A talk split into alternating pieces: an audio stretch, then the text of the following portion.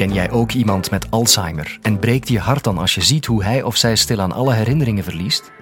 Maar tast Alzheimer alleen het geheugen aan of doodt Alzheimer meer dan herinneringen? Martijn Peters van de Universiteit van Hasselt legt uit wat de ziekte met je doet. Dit is de Universiteit van Vlaanderen.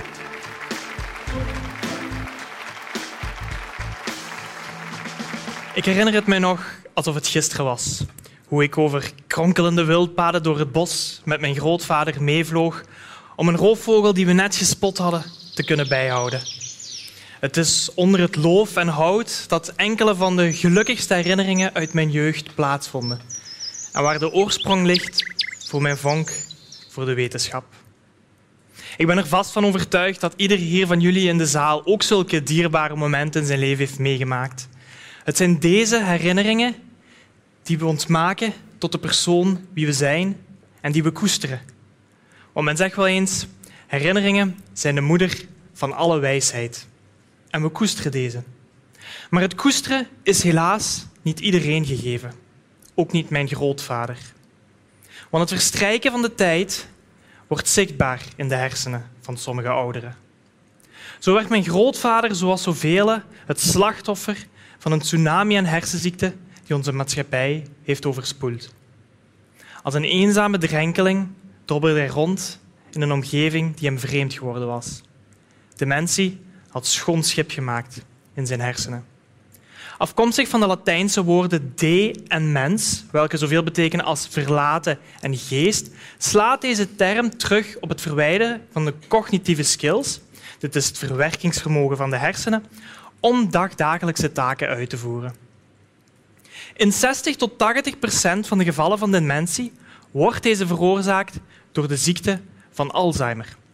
Een ziekte die voor het eerst werd gedocumenteerd in 1901 door de Duitse dokter Alwa Alzheimer bij een 51 jaar oude patiënt genaamd Augusta Deter. Nu, toen ze Augusta Deter binnenbrachten in de kliniek, merkte dokter Alzheimer op dat zij leed aan een vreemde combinatie van symptomen. Zoals zij last van slaap- en geheugenproblemen, plotse stemmelingswisselingen en soms zelfs een algemene verwarring.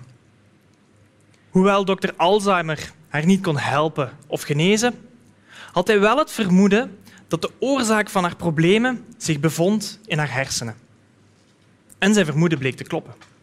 Hier ziet u de hersenen van iemand die gestorven is. Dit zijn gezonde hersenen. Deze hersenen wegen ongeveer 1400 gram.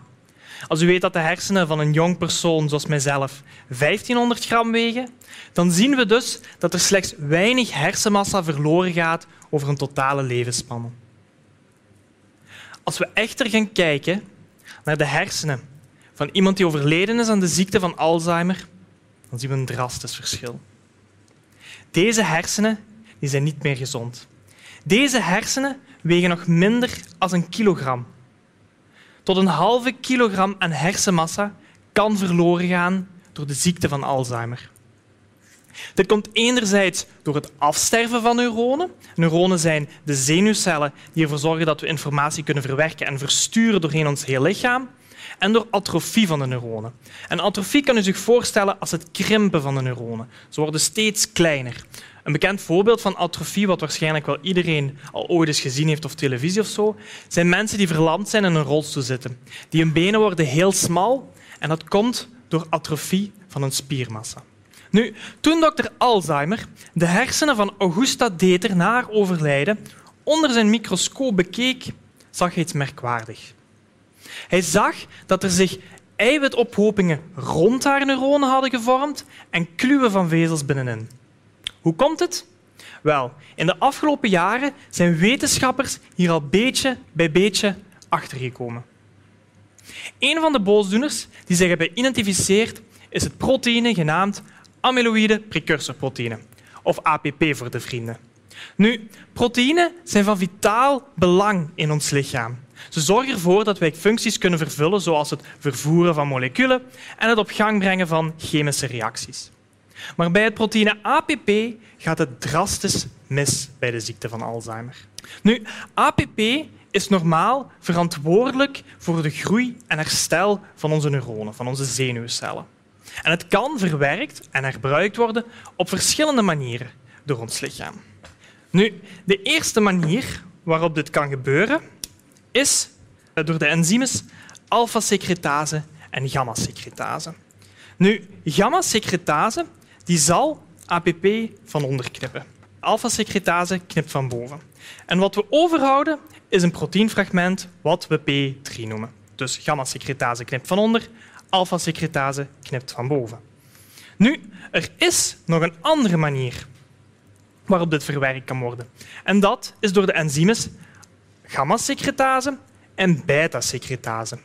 Gamma-secretase zal nog steeds op dezelfde plaats van onder knippen. Maar beta-secretase knipt veel hoger. En wat we overhouden is een fragment genaamd beta-amyloïde. Nu, wat de precieze functie is van beta-amyloïde in ons lichaam, daar zijn we nog niet geheel achter.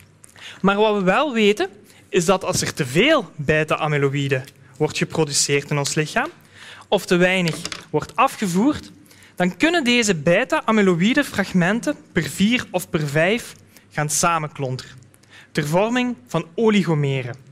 En deze oligomeren gaan op zijn beurt weer samenklonteren tot de eiwitophopingen die dokter Alzheimer onder zijn microscoop zag. Nu, ik had het niet alleen over eiwitophopingen. Ik had het ook over kluwen van vezels die zich in de neuronen bevonden. En deze worden veroorzaakt door een proteïne genaamd tau. Nu, in onze neuronen bevinden er zich microtubuli. En u kan het zich best voorspellen als lange spoorwegen waarover moleculen vervoerd worden, zoals grondstoffen, voedingsstoffen die het neuron nodig heeft. Nu, tau ondersteunt deze spoorwegen, vormt de rails van de spoorwegen. Maar bij de ziekte van Alzheimer wordt het extreem kleverig. De spoorweg gaat kapot en de moleculen zullen ontsporen en niet meer tot in het kern van de neuron geraken. Uiteindelijk zal het neuron afsterven. De gevolgen van deze eiwitophopingen en kluwen van vezels zijn drastisch. En beetje bij beetje zullen de hersenen beginnen af te sterven. Het begint allemaal in een regio diep binnenin de hersenen, in het limbus-systeem. En daar ligt een structuur die, die altijd direct wordt aangetast door de ziekte van Alzheimer. Deze structuur noemen we de hippocampus. En de hippocampus is verantwoordelijk voor het vormen van nieuwe herinneringen. Daarom dat een van de eerste symptomen die de meeste mensen met de ziekte van Alzheimer vertonen, korte termijn geheugenverlies is. Zo kunnen ze zich bijvoorbeeld niet meer herinneren dat u vandaag bent langs geweest, wat u gezegd heeft, of staan ze bijvoorbeeld in het winkel en weten ze niet meer wat er op het boodschappenlijstje moest staan. Nu, een andere regio die hier ook in ligt, is de amygdala. En de amygdala is verantwoordelijk voor het vormen van emoties. Daarom dat patiënten zoals Augusta Deter plotse stemmelingswisselingen kunnen vertonen. Nu, vervolgens valt de ziekte zich naar buiten verspreiden, richting de hersenschors. En daar liggen ook een aantal belangrijke structuren. Vooraan, en hier aan de zijkant, als ik een volledig hersenmodel zou hebben, liggen de frontale en de temporale kwap. En deze zijn verantwoordelijk voor functies zoals logisch nadenken, het nemen van beslissingen, communicatieve vaardigheden, uw sociaal gedrag, impulsbeheersing en lange termijn geheugen. Vervolgens zal de ziekte ook meer naar achter in de hersenschors begeven, naar de parietale en occipitaalkwap. En deze zijn verantwoordelijk voor zintuigelijke waarnemingen. Nu, uiteindelijk zal dit resulteren dat de patiënt zich verloren gaat voelen in zijn eigen wereld. Zoals Augusta Deter het zo mooi verwoordde op een gegeven moment deed dokter Alzheimer. Ik heb mich verloren. Ik ben mezelf kwijtgeraakt. Nu, vervolgens zal de ziekte zich ook verspreiden naar de basis van de hersenen. En hier ligt het cerebellum, wat verantwoordelijk is voor uw motorieke coördinatie, dus hoe je beweegt, en de hersenstam. Het is als de ziekte in deze laatste aankomt dat de problemen pas echt beginnen. Want dan zullen ook autonome functies zoals ademhaling en onze hartslag stoppen. Helaas bereiken de meeste mensen met de ziekte van Alzheimer zelfs het laatste stadium niet en sterven ze vroegtijdig aan de complicaties zoals infecties, uitdroging en ondervoeding. De gemiddelde levensduur van iemand die de diagnose van de ziekte van Alzheimer te horen krijgt, is acht jaar. Nu, wat een beetje verontrustend is, is zou Augusta Deter vandaag de dag binnenwandelen in een ziekenhuis met dezelfde symptomen, dan zouden de dokters weinig meer voor haar kunnen doen dan 100 jaar geleden. Tot op de dag van vandaag is er nog steeds geen mogelijkheid om de ziekte te stoppen of te genezen. En dit is ook zo voor andere hersenziektes, zoals MS en Parkinson. Van alle hoofdoorzaken van sterfte bij de mens is de ziekte van Alzheimer de enigste die toegenomen is in de afgelopen jaren. Nu, dit is een harde realiteit voor de meer dan 40 miljoen mensen die lijden aan de ziekte van Alzheimer. En hun aantal zal alleen nog maar toenemen in de komende jaren. Tegen 2050 voorspelt men dat meer dan 115 miljoen mensen zullen lijden aan de ziekte van Alzheimer. En dit is geen ver van mijn bedshow. Als u even kijkt naar de persoon links of rechts van u, dan kunnen u bijna met zekerheid zeggen dat als u de leeftijd van 85 jaar bereikt, dat u één van u twee de ziekte van Alzheimer zal hebben. 50-50. Kop of munt. Nu, we hebben dit lange tijd als iets normaal beschouwd. Het hoorde nu eenmaal bij ouder worden, zei men wel eens. Maar dit is niet zo. De ziekte van Alzheimer is en blijft een ziekte. En als we een ziekte kunnen begrijpen, dan kunnen we ze ook genezen. Nu, in de afgelopen jaren zijn wetenschappers al heel wat te weten gekomen over de ziekte, maar we zijn er nog niet.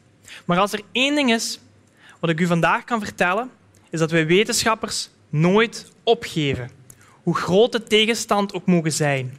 Het motiveert ons alleen maar om door te zetten. Dagdagelijks vinden we nieuwe dingen waardoor we meer te weten komen over hoe deze ziektes tot stand komen.